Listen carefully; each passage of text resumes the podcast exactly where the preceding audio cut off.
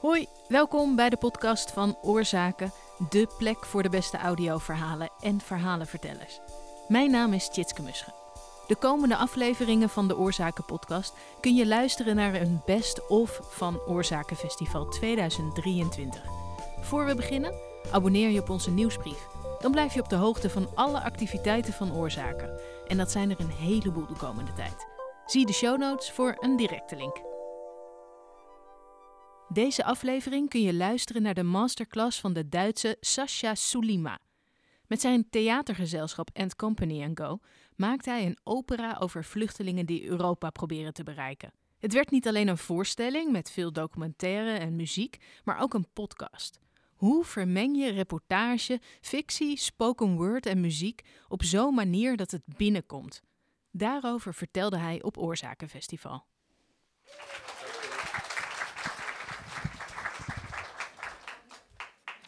Yes, thank you for coming. I'm very happy to be here.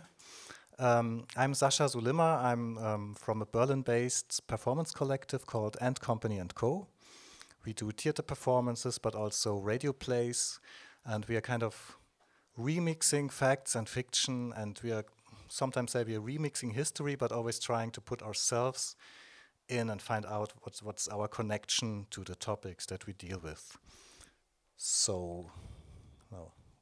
I have to find out where to put paper and where to put the laptop. First, all right, facts and fiction. Mashing up fiction, audio, documentary, spoken word, and music to create a radio play. Oh, yeah, that's perfect, thank you. So, and the example is called Orpheus in the Land of the Living, a smuggler's opera. And it's made in 2014 uh, with the German radio station uh, WDR. But uh, it came a long way. Um, the first time, yeah, that's the backstory. Because actually, we lived for three, four years in Amsterdam. That was like 2004 until 2007, I think. And during that time, my colleagues got invited to, uh, like, we had three people, and my two colleagues got invited to Athens to the acting school um, to give a workshop. And it was called Nomads, Exiles, and Refugees. And this workshop took place in a Greek small town called Soufli which is close to the river Evros that marks the natural border between Turkey and Greece. So it makes it the outer European border. And um, yeah, being there, back then it was one of the main routes where the refugees tried to enter the EU over this river, and many of them dying not only by drowning but also because on the Greek side of the river, there was and maybe are still landmines from the conflict between Turkey and Greece. So if they made it the over the river, it could still happen that they would step on a landmine and die. So during the workshop, my colleagues realized that this area is also exactly the place where many of the ancient Orpheus myths took place. It's called Thrakia. This is where the singer Orpheus gets ripped apart by the Dionysian and in the end, only his head is left over, floating in the river, but still singing. So in 2005, we started working on a concept for a theater piece because, yeah, this issue became really important to us because we believed that through the frame of an ancient Orpheus myth, especially with the help of the Orpheus opera by Monteverdi, it could be possible to discuss the situation and the drama taking place at the European border on a theater stage because the fictional element of the Orpheus myth and this alienation that comes through it, maybe you know the Verfremdungseffekt from Brecht, like we are really totally coming from Brecht, they are trying to always alienate the things to get a certain distance to the topics, to not get overwhelmed by emotions, but to, to keep analyzing the things. So this helps a lot. Um, yeah, it was it was giving us a certain distance that was needed um, to not get overwhelmed and um, make it hard to analyze. So the same is true for the listener, of course. So we want the listener to not only feel like in the intro, it was said how, how to feel the radio play, but we want, of course, still be analyzing the things and don't stop thinking. So um, we don't want to tell the facts one to one, like in a reportage or a documentary podcast. We are looking for ways to discuss everyday political topics through the experimental art piece. So from there we come to the research. trip to the Evros River and the EU border. So back then, in 2005, uh, we were living in Amsterdam and we decided that we um, want to go together. Back then, it was five of us. The group was five people. Um, we decided to go there together and to do some more research to to create a uh, theater piece in the end. So we went uh, with this VW Bully bus that my colleagues had back then. Um, this is actually standing in front of DasArts because Nicola Nord, one of my colleagues, studied there at that time. So really started in Amsterdam in DasArts and went through Europe, through uh, uh, through the Balkan, through Bulgaria, um, shortly through Turkey, and then to Greece to to visit the Soufli, this, this town where the Evros River is. So here you can see like uh, this river is actually uh, has three names. In Bulgaria, it's the Marica. In in Turkey, it's Meric, and in uh, Greece, it's called Evros. So this was us coming from the border from Greece to Turkey, and uh, ha having a little visit at the at this border zone, like yeah, and uh, behind behind the bull you can see a little bit the landscape. You, would see the landscape, and then the river starts. And then we went back to Greece.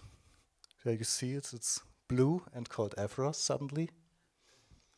And finally, uh, coming to our, uh, our destination, which is this Evros Delta. And it was, of course, really not easy to get there because it's a restricted, mil uh, restricted military zone.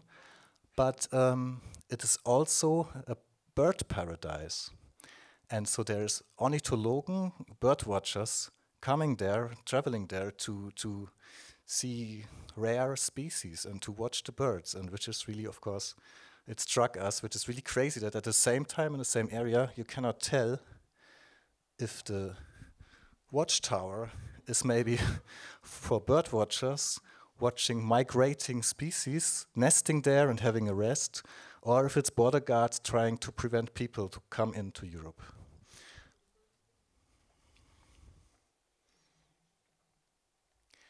Yeah, actually, then I realized I wanted to go chronologically through our whole research trip, but then the radio play that we did in 2014 uh, 14 has an intro which uh, perfectly describes the area and the situation. So I would like to just dive into the production, and there, there, there you've been told also the rest of the details actually.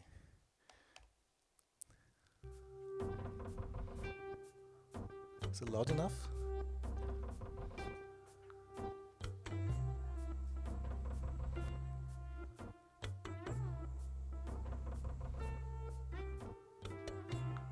Hallo, herzlich willkommen beim Radio Europa. Mein Name ist Alex. Und meiner ist Reda. Wir sind heute Ihre Schlepper, denn dies ist ja, wie Sie wissen, eine. Wir berichten heute aus dem Eurozone-Randgebiet Nordgriechenland bzw. Westtrakien. Das alte Thrakien galt ja schon in der Antike als archaisches Ausland. Hier spielen die blutigsten Mythen. Orpheus, Dionysus, die Backen, Titanen, alle. Der westliche Teil gehört heute zu Griechenland und damit zu Europa, der östliche Teil zur Türkei. Getrennt werden beide durch einen Fluss. Das ist der Evros. Das ist der Grenzfluss von Evropi, Europa. Evros heißt der Fluss auf Griechisch und das bedeutet breit. Meritz heißt er auf Türkisch und Mariza auf Bulgarisch. Ich werde sie heute durch ein Paradies führen, wie seinesgleichen kein zweites in Europa gibt. Wir sitzen jetzt hier voll getarnt unter einem Baum am Mündungsufer und wir machen das, was alle Menschen machen, die sich hier aufhalten. Wir schauen durch ein Fernglas. Das hier ist nämlich ein Vogelparadies.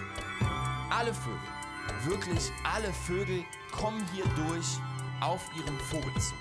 321 verschiedene Arten nisten hier vollkommen ungestört. Wir befinden uns ja auch in einem militärischen Sperrgebiet. Das hier ist die aktuelle Außengrenze der EU. Früher war sie offen wie ein Scheunentor, heute ist sie dicht.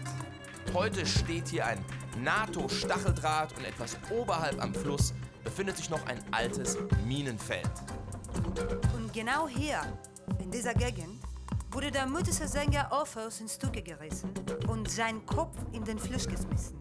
Der ist dann immer noch singend, den Evros hinuntergetrieben ins Mittelmeer, bis zur Insel Lesbos, ins Auffanglager. Wir gehen jetzt gemeinsam auf diese Reise quer durch den ganzen Kontinent bis ans Ende von Europa. Willkommen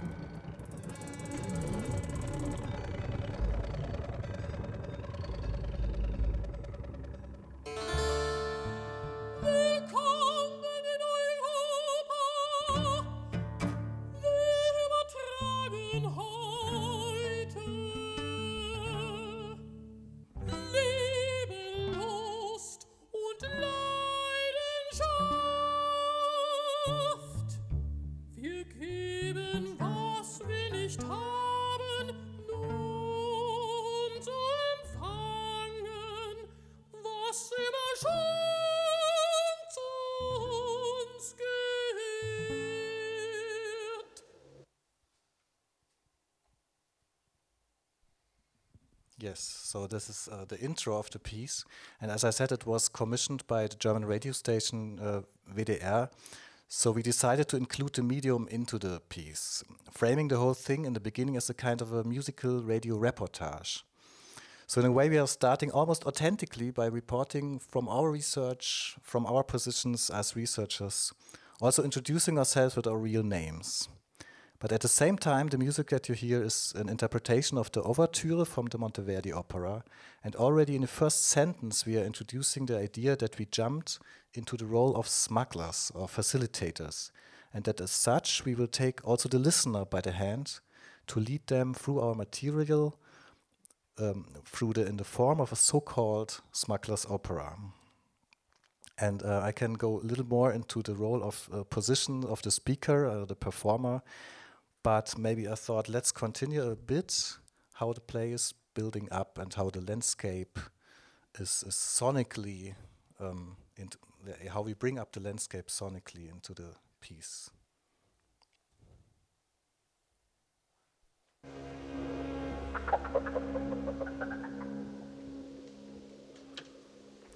Akt 1 Trauer. Orpheus am Grabe der Verstorbenen. Hirten und Nymphen haben ihn hierher begleitet. Zur toten Klage, zum toten Opfer. Sie treten im ernsten, feierlichen Reigen an die Grabstätte, streuen Blumen ins Wasser und singen Klagelieder. Dov'è il tuo fratello?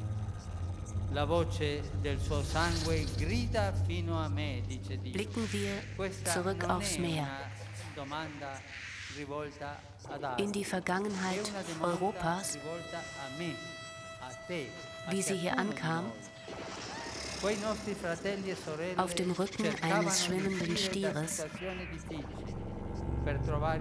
Blumenkränze im Haar, Blumenkränze im Wasser zur Begrüßung, wie jetzt zum Abschied, auf den Särgen von denen, die hier angespült wurden und im Wasser für die, die nie gefunden werden. Voll Mitleid murmelt der Fluss im Tal. Alpha, Beta, Gamma, Delta. Wie bei einem Fluss, der ins Meer fließt. Wie der Nil, der Mississippi oder der Amazonas. Wir haben auch so ein Delta in Europa. Das Evros-Delta. Den sollte sie also auch kennen. Es ist auch ihre Grenze. So, was haben wir da? Könnte eine Person sein. Ja, wie weit ist der weg? Der ist schon weiter weg, ne? Mal nochmal zurück. Und dann messen die Helligkeit raus. Diese, unsere Brüder und Schwestern, wollten aus schwierigen Situationen heraus ein wenig Ruhe und Frieden finden. Sie haben einen besseren Ort für sich und ihre Familien gesucht, aber sie haben den Tod gefunden.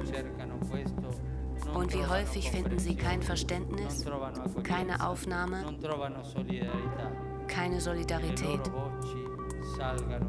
Und auch ihre Stimmen steigen zu Gott auf.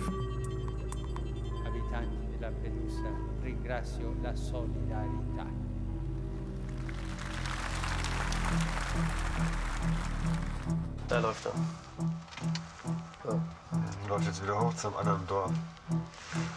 Hast du jetzt schon mal eine Einstellung?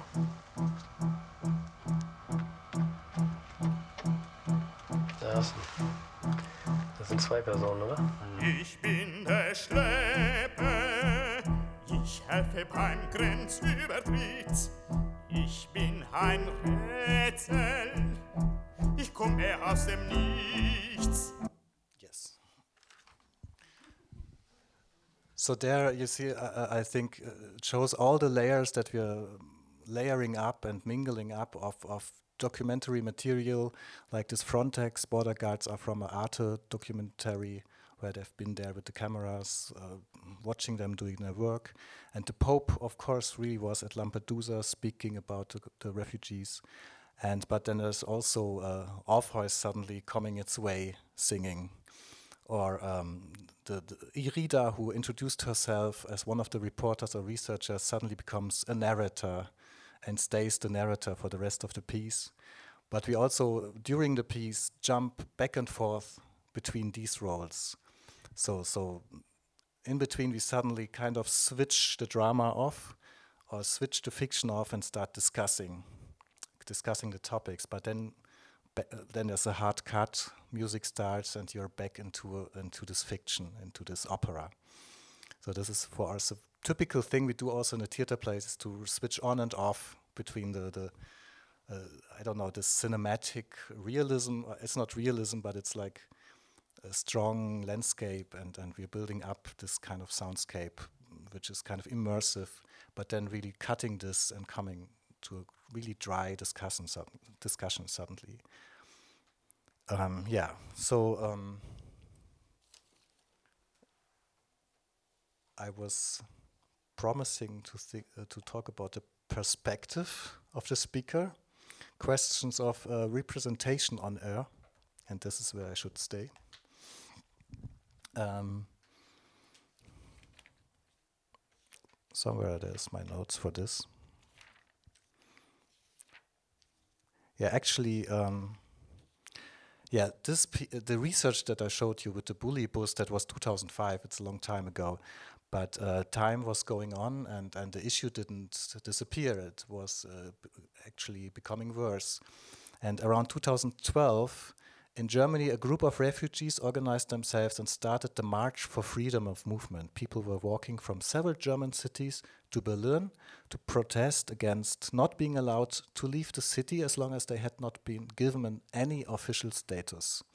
So they squatted the Oranienplatz, which is a small space, uh, you maybe know Berlin, uh, Kreuzberg, which is really like it was back then 10 minutes from my flat and like 15 minutes from our office of the company and 20 minutes from the theater, the HAU, where we usually work. So we didn't have to, you know, drive to Greece again to do any more research. Suddenly the thing was really visible and the issue became visible in front of our face, in front of our door. Um, so we started rethinking and rework our concept from 2005 and had the idea to think of Orpheus as a kind of people smuggler, guiding Eurydice through the underworld to bring her to the beautiful Thracian land, or bring her back to the beautiful Thracian land. So we extended our research into this direction, and then in Berlin we could interview escape agents who help people and help refugees, and who act in a kind of a legal gray zone to do so. So this was the most important twist to bring ourselves into this story. So in this fictional frame, uh, we, we from our position as researchers and travelers could very well play the role of people smugglers. And we liked the several layers that this idea opened up for the piece, because these, uh, these facilitators could also guide the audience through the interpretation of Thrakia and leading them through the story of our discourse. So it's clear we, we, we couldn't speak for other people, we couldn't speak for refugees how we couldn't pretend to be refugees or to know what this is like or something. But we, as Western, white uh, uh, Germans, could easily become suddenly a helper or a, a people smuggler. So this helped us to find out from which position we would speak. So we speak as researchers and as facilitators through this piece. And then, very important for this new piece, which became this radio play, was also to extend the people who work with us. So we invited some more people to have some more perspectives in the piece.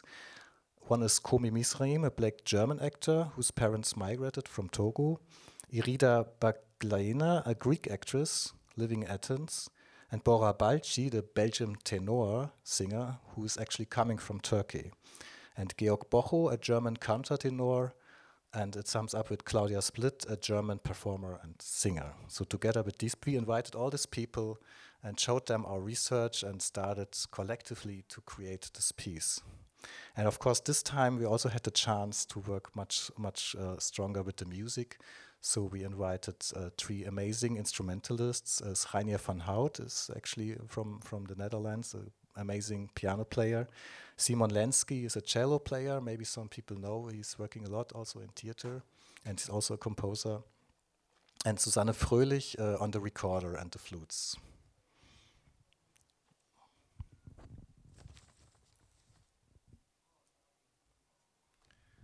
So I'm coming kind of the last tool we used to to to um, mingle our material into the piece.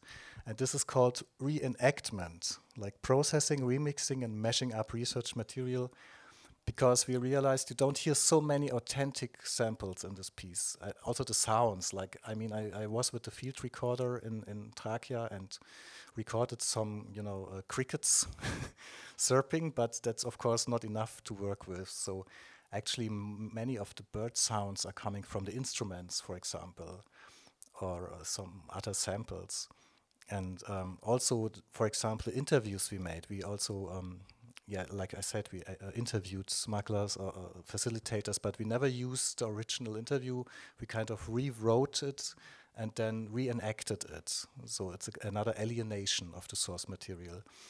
And uh, especially that's, that worked very well because we invited an ornithologue in Berlin, a bird watcher who was was very very um, passionate about his work, and we interviewed him about his work and how it is and what what all about his birds and what he's doing, and so he he became very uh, um, enthusiastic. So in the end, um, Alex decided to become this bird watcher and reenact this bird watcher, and um, I think this worked also very well to to put these two layers. You have the the border area and the bird paradise together, having now a bird watcher speaking. This is like another audio example I wanted to give. And uh, I want to show this um, from the video because we made a live version of the piece.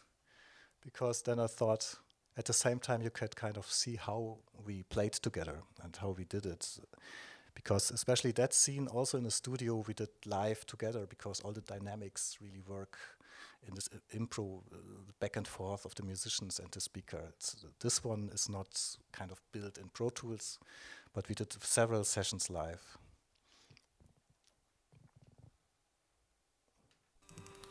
Das hier ist mein Vogelkontrollgebiet.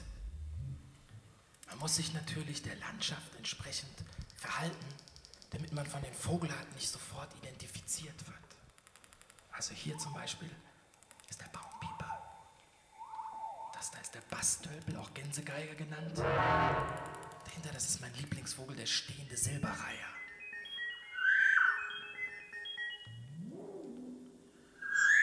Wird die Fluchtdistanz unterschritten, dann gehen die sofort hoch. Deswegen braucht man zweierlei. Also einmal geeignete Optiken, also ein gutes Fernglas und ein Bestimmungsbuch, damit man die Bestimmungsmerkmale besser identifizieren kann. Kleinere Vogelarten, die kann ich schon am Gesang erkennen. Baumpieper.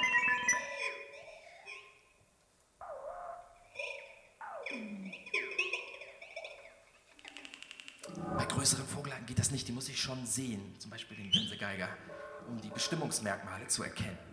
Exoten muss man sofort melden.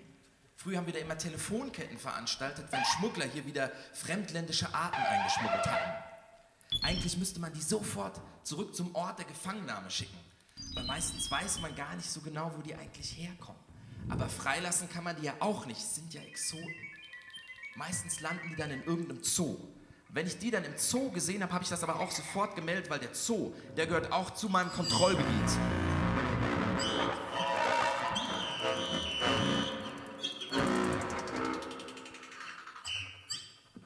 Reden wir über den Weißstorch.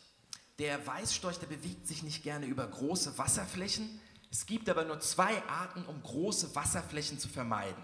Das eine ist Gibraltar und das andere Bosporus, also hier, das Evros-Delta. Das ist der Migrationskorridor. Die wandern tausende von Kilometern. Das ist eine enorme Zugleistung.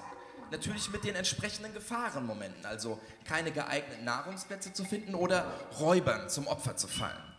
Schwächere Vögel, die zurückbleiben, die werden sofort von Beutegreifern abgegriffen. Das ist ganz normal. So ein Greifvogel, das ist ein Fleischfresser wie wir, der braucht das eben. Aber deswegen auch dieser irre Zusammenhalt im Schwarm.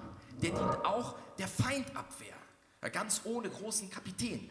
Einfach nur durch die individuelle Kommunikation. Aber die, die funktioniert. Erst kommt da so eine Unruhe rein und dann irgendwann, dann, dann springt der Funken über und dann, dann geht's los mit dem Vogelzug. So ein enormes Naturschauspiel. Die Zugvögel, die können gar nicht anders. Der Migrationswunsch, der ist da und der bleibt auch. Nach Generationen in Gefangenschaft. Das ist denen in ihr genetisches Programm eingeschrieben.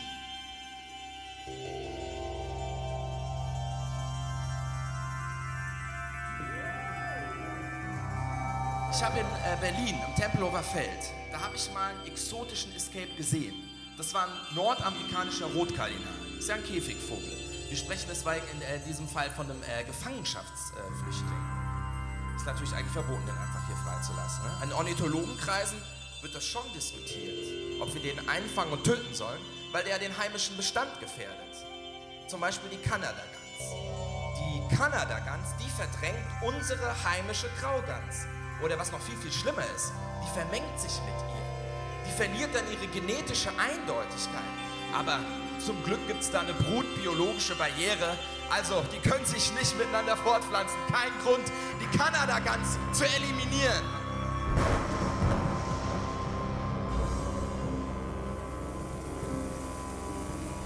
Welcome to Europe. I mean, I have some more examples, but I realized uh, time is also running, right? Yeah. I think it's maybe a good moment to open it up. Yeah. it's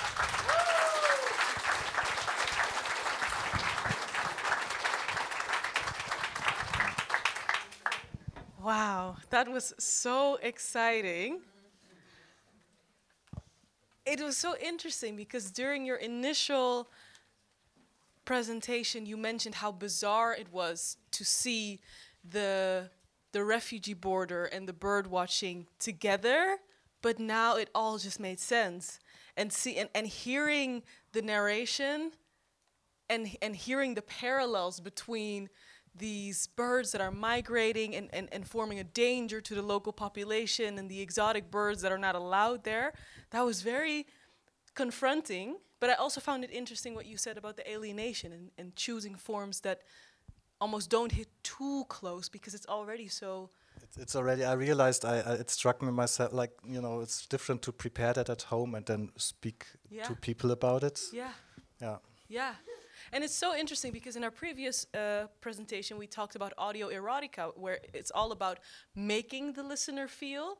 Um, and they actually had an example about using actors to reenact a documentary piece and how it didn't work because you can tell that it's not completely real and it takes you out of the erotic experience. But here you can see the exact, uh, the same method working very well because you're able to offer that alienation and a little bit of difference and also anonymity, I can imagine, for the people who work in this legal gray zone and uh, Yes, yes. uh, you you want to include them and, and use their stories but also uh, protect them Yeah, we could speak for their stories, for example, like the, the people uh, the, who helped the, the, refugees, we can speak for them. Yeah. We just couldn't speak for the, a refugee, for example. Yeah.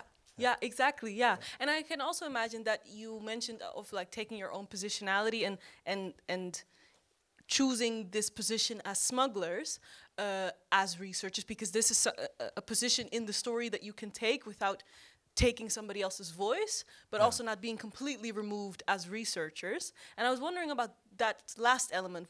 Why not be uh, completely far away and what people like to call neutral?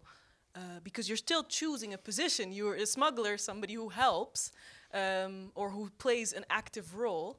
Uh, why did you make that choice, and was that a, an uncomfortable choice to make?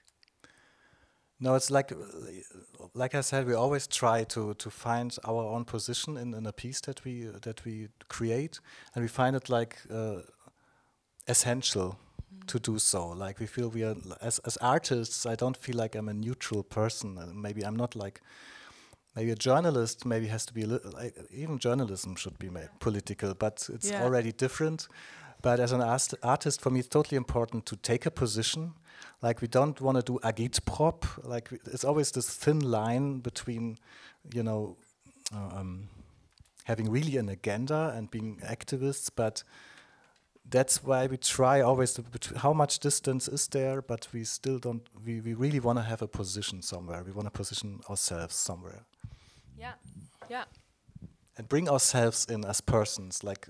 Uh, yeah, we are we are our own persons. We are not like who can be neutral actually. Exactly. Who can claim to be neutral? Yeah. I think that doesn't really work actually. Yeah. No. Personally, I really agree, and I think it also maybe uh, gives the the listener an opportunity to engage as two people, or or as uh, this is you are speaking to me, and I have my own opinion about that, rather than this omnipotent omniscience voice is saying it and it, this is therefore fact because especially since you are speaking of trying to convey facts uh, i think people would assume that you have to shy away from um, anything that makes you seem not neutral. So i find it a really it's it's very true what you say like it's it, we are showing transparently that we are not neutral that we are have a subjective position yeah. yeah yeah. Yeah exactly.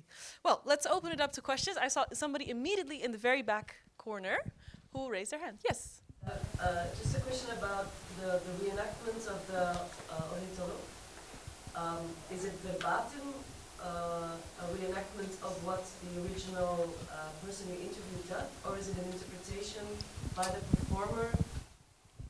It's text-wise very, very close to the real interview. It's like really an edited interview, mm. and and of course he as a as a performer interprets interprets him mm. but yeah text wise it's really close yeah, yeah so yeah. it's just trimmed down but yeah. not rewritten yeah. okay good to know yeah that's yeah um, yes. Well, just a practical question. Like, how long did it take to make this? Like, uh, um, how long did it take to write and to edit? Well, I can imagine you started the journey in 2005.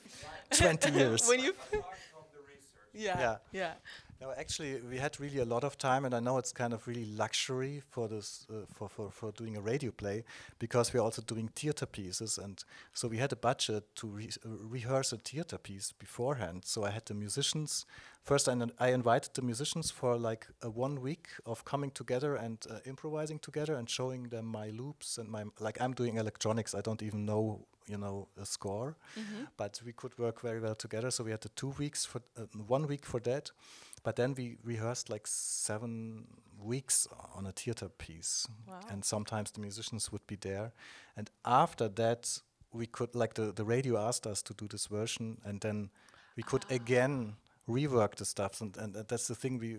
I think the radio play is much better than the original theater piece because because we had another round yeah. of, of, of sharpening it, and and also we didn't like it's very hard for this issue. We didn't manage to find really, I think, a good visual interpretation for all this. That's why in afterwards we did this kind of concert version where there was no theatrical scenery. Mm-hmm. We, we, found, like speaking of, yeah, how can you talk about these issues? Realized that's maybe the best way to just sit there and and create this. Um, radi- this, this sonical illusion, but always showing at the same time you're just sitting here and yeah. and reading. Yeah. yeah. So yeah, and then for the we we had like 10, 12 days in the studio, I think. Mm-hmm. Mm-hmm. So you had this extra time already, yeah, and I found it also time. interesting. So it, it, makes more sense now that you already had the theatrical element. But it's funny because in the previous talk, um, it's about you know two actors in a in a scene, and you would imagine that they are in the scene together, and then we heard from the creator that they are in separate studios, separate sessions, and here is something that you would imagine is completely composed uh, in the studio, and then you see everything happening in real time. So it's just so special. Yeah, it's both. Like, like some stuff, opposites. like we did, yeah. for example, uh, two days of recording because of the piece. We had some really fixed. Yeah. Like this ornithologue scene, which exactly. worked pretty There's well. a lot happening. And that was already rehearsed, and that we did live. And then there was another, a lot of other sessions where I at home only yeah. put it. Like then there was a lot of Pro Tools editing yeah. and putting it together afterwards. So it's it's both. Yeah. Uh, yes. Let's start with your question. So I'm very curious about utilizing this uh, effect, right, to sort of uh, estrange the viewer or the listener in order to keep them analyzing and uh, mm -hmm. maybe uh, forming an opinion. But I can also imagine that at some point in the story you want to cancel that out to uh, again uh, evoke some feeling or emotion or something or reconnecting with the themes. Um, so maybe question one is, do you agree and question two is how do you do how do you do it? Mm. Do this? How do you uh, cancel out this effect? Yeah, this make I have to think a, a, little bit about this because we we not uh, actively would cancel it out. Mm -hmm.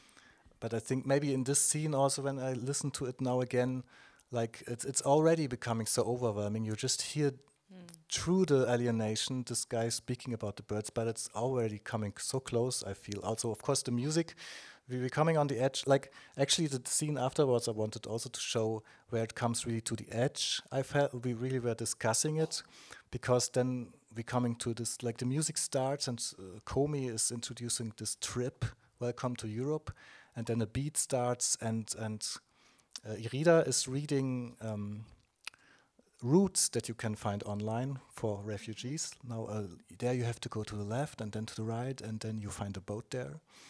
And at the same time, Claudia is quoting uh, also things you could get anonymously online. Um, um, concepts for refugees how to act if they get interviewed and how to what to say and what not to say and so and then we had some i, I added some sounds of walking footsteps mm. so we were so close of reenacting as we would be maybe on a route yeah. and being maybe ourselves refugees on a route but then I realized again, yeah, but we are the we are the helpers. So we quote, we we tell the routes and we tell what to do and what not to do. But because of the sounds of the footsteps, it came really close of yeah. of uh, something. Yeah, we thought that, that that is the line where we could go. Yeah, yeah. and I feel like this this uh, is it's not so much the canceling out of verfremdung, but adding to it. And I can imagine that it has to do also with the what you talked about the switching on and off between the fact and the fiction and uh, adding the feelings to the facts, but also using the facts to create the distance again and then come close, or both at the same time. So I think in the form. So more of a balancing act, right? So there's an element of estrangement and an element of engagement at the same time, and you just. It's actually really it's happening at the same time already. Yeah. I think I don't have to switch off the alienation. It's yeah. coming, yeah, yeah, through. Yeah. Let's go to this side. Did you have a question? Oh, yeah, perhaps over there. Yes. Um, thank you very much. I was blown away. I would like to hear it entirely. Is it possible to, to do so with the English, English translation? Or is it online somewhere? Or to see the, the, the theatrical... Um, yeah, I gave Romane the, the, the link for this um, video. Mm -hmm. So because the live version has the subtitles. Mm -hmm. So it's of course not entirely the same. Of like, yeah. of course, the radio plays sonically a little bit more uh, pleasing. sound design is better, but I think I can uh, give you the like somehow. Yeah. Give the yeah, link. We could definitely look into that. Perhaps it could be added to the spot on the website in the where the description of this workshop is. I think that could also I've sent the festival I think this translation because there was this festival like the Prix Europa and for that we had to do this whole Yeah, so what was in your slide, the, yeah, the text. Yeah, then this text uh, somehow I, have sent to the festival. I don't know how this is if you have a a way of getting it email to uh, container everyone. or something. Yeah, yeah. Okay, let's work on that. I mean, is it like open access or is that a secure link that you? Yeah, maybe I could make it open access for for a while. yeah, yeah, wonderful. Uh, any more questions? Yes, here in the front. Um, I have a very practical question as well. I was wondering, um, how do you sell, and I mean selling like in a broad sense, not only in terms of money, but how do you sell this to the video? Mm-hmm. You mean like uh, yeah, production wise? Yeah, and Mm. like how was the interaction with them? Did they say like this is too experimental for us? Which, I know, uh, like happily, happily not. Like actually, I, I, I did a mistake. Um, um, we met even before we did the theater premiere and told them about the piece, and they were really, really interested. Um, so we planned actually already to do this version, and and um, yes, and they it's one uh, Isabel Platos, especially from the WDR. She's working with these theater collectives, and like She She Pop also did a radio play, or Rimini Protokoll. I don't know if you know these, it's these German groups. But so th- there's like she knows actually what sh- what was coming in a way. Yeah. And this is a radio station that is quite open to experiments. yeah. Yeah. Yeah. Yeah. So yeah. I saw someone in the very back. Yes. Yeah, in the back. I, I, I was wondering a bit, a bit of the same question, but how you, you got a lot of time to make this, and it's so inspiring to hear. Um, but to make this only for radio, not for theater, um, it might be quite impossible. So how, how did you get the funding? How, how did you get money for this? Because I think we would all love to make this. Yeah, actually, I thought about that because I met these people at this fest, at this Prix Europa festival. There were all these radio makers, and then there was a guy from the BBC telling me, "Yeah, I have one day to do a radio play," you know.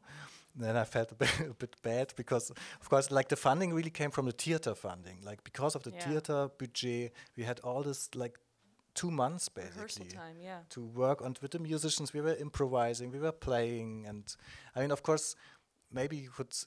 Of course, a lot of time goes into the theater scenery, like how to act on the stage. So if you, of course, you could do this quicker, but still, of course, I think you cannot do actually this Yeah. in less than one month. I would think. Yeah. Yeah.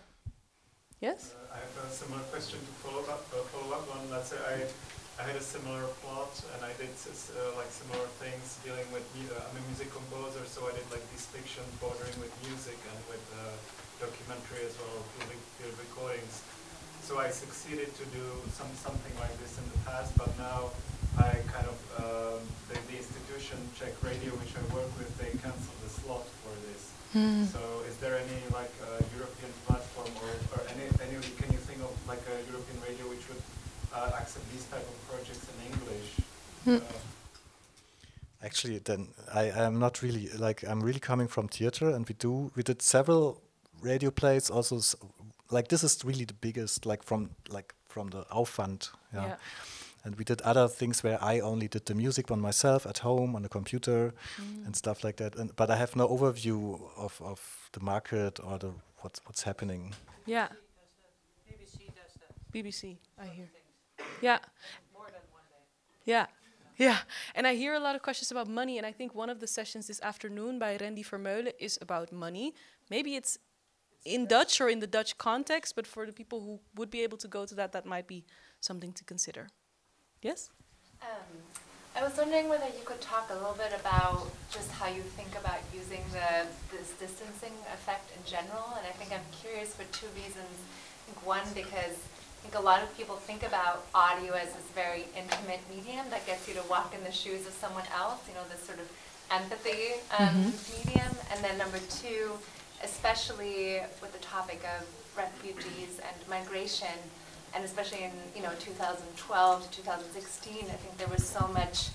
Um, it, that experience, I think, for many people in Europe felt distant because you're reading about it in the news, you know, and there was this attempt to bring it closer, actually, and to create empathy, and, and maybe that also led some people to reach out and to try to help, you know, and to become agents of, and, and yeah, just to help. And I was just, and it's so interesting to me because I think that was often also really problematic the way that refugees were portrayed and and that the way audio was sometimes used to tell their stories. And and I, just this, and you know, your intuition to to distance um, and to create that and to orient around Brecht and Verfremdungseffekt is just, yeah, it's really interesting to me as sort of a choice. And I was wondering whether you could just talk about that more generally to, you know, also with other projects that you do, how you how you think about that stylistic choice. Yeah, yeah, because you also mentioned that. Um, the choice to choose a position was not just from this project. This is what you always, uh, uh, with your team, do. So perhaps you can speak to that. Yeah, uh, yeah. I wonder if what else I could like quickly. Uh, Yeah. and I have another example or something. It's always the best for us, I think, if we find these things who can be two things at the same time, like this Evros, like this Thrakia, like. Uh, that's why I had this example. It's at the same time the border area and the same time the birds Yeah. are flying. Uh, and the migration is in their genes, like like this bird watcher says. Like they cannot do anything else. Like they have to fly and migrate and, and come back and forth. And uh, that's how that's why this kind of remix term is so important for us because we feel like sometimes we we use also a lot of humor actually. Even also in this play there's some funny moment you know, it, I realized this was a bit heavy like Mm. collection. But these were the most important moments. And um, um, it's like because in the world things happen at the same time. It's like you know when um, I just thought when when you sit in a cafe and and you talk with somebody about the war and at the same time on there's football on the TV and Madonna coming out of the radio and Mm. next to you there's a couple kissing and I feel like this is this is I don't know if it answers your question but this is like how the world really around us uh, Yeah. seems to be like and we try to bring this into the into account on the stage it's never like only one thing Mhm. Yeah, and I can imagine that because that audio can zoom in and and be this like super intimate in your ear experience, but you're trying to actually add these elements that we have in our real life to make it perhaps a little bit more bearable. Because I can imagine some people find audio too intimate because of those reasons, because maybe it's a bit overused. Um, we have time for one or two more questions. Uh, yes. Thank you so much for introducing us to this fascinating work. Um, I also can't wait to hear it. in full. Mhm. Um, I was wondering if you um, would be willing to talk a little bit more about the musical registers that you chose, because in what you showed us, I could make up adaptations of Monteverdi, an almost Foley-like sound design, uh, but then also the Smuggler song that you played uh, seemed to come out of a musical. So how did you work this musical score out? Yeah, actually, uh, there's Brecht sneaking around the corner again. Like the Ich bin der Schlepper is actually the teacher from the learning play uh, der Jasager und der Neinsager. And we, we even thought we wanted to bring that even in more because it's this crazy uh, story where they go on a travel to, to find medicine for the mother and then they have to go through the mountains and then suddenly one the kid becomes kid uh, sick and then they have to decide oh do we have to carry him? But maybe then we don't make it. So they have to decide do they throw him off the off the mountains or not? And and uh, this is the beginning of this piece. Uh, there's the teacher coming up and singing i am the teacher. And and so we like to i think brecht is very important as a second like we have the opera and we have brecht in a way. And and um, as a second layer, I wanted to say something more, but this is maybe enough. Like I'm, I'm working electronically, uh, I'm remixing, like uh, bringing the beats in and, and stuff, and then the musicians were like a lot, like they were working also very nicely on the Monteverdi. I showed them maybe a loop, which was alienating the original material, and then they played the loop, but then it went, it, it went somewhere totally else because they are amazing instrumentalists and they would go like they're composers themselves so we composed it together yeah totally uh, yes yes Yeah. Any more questions?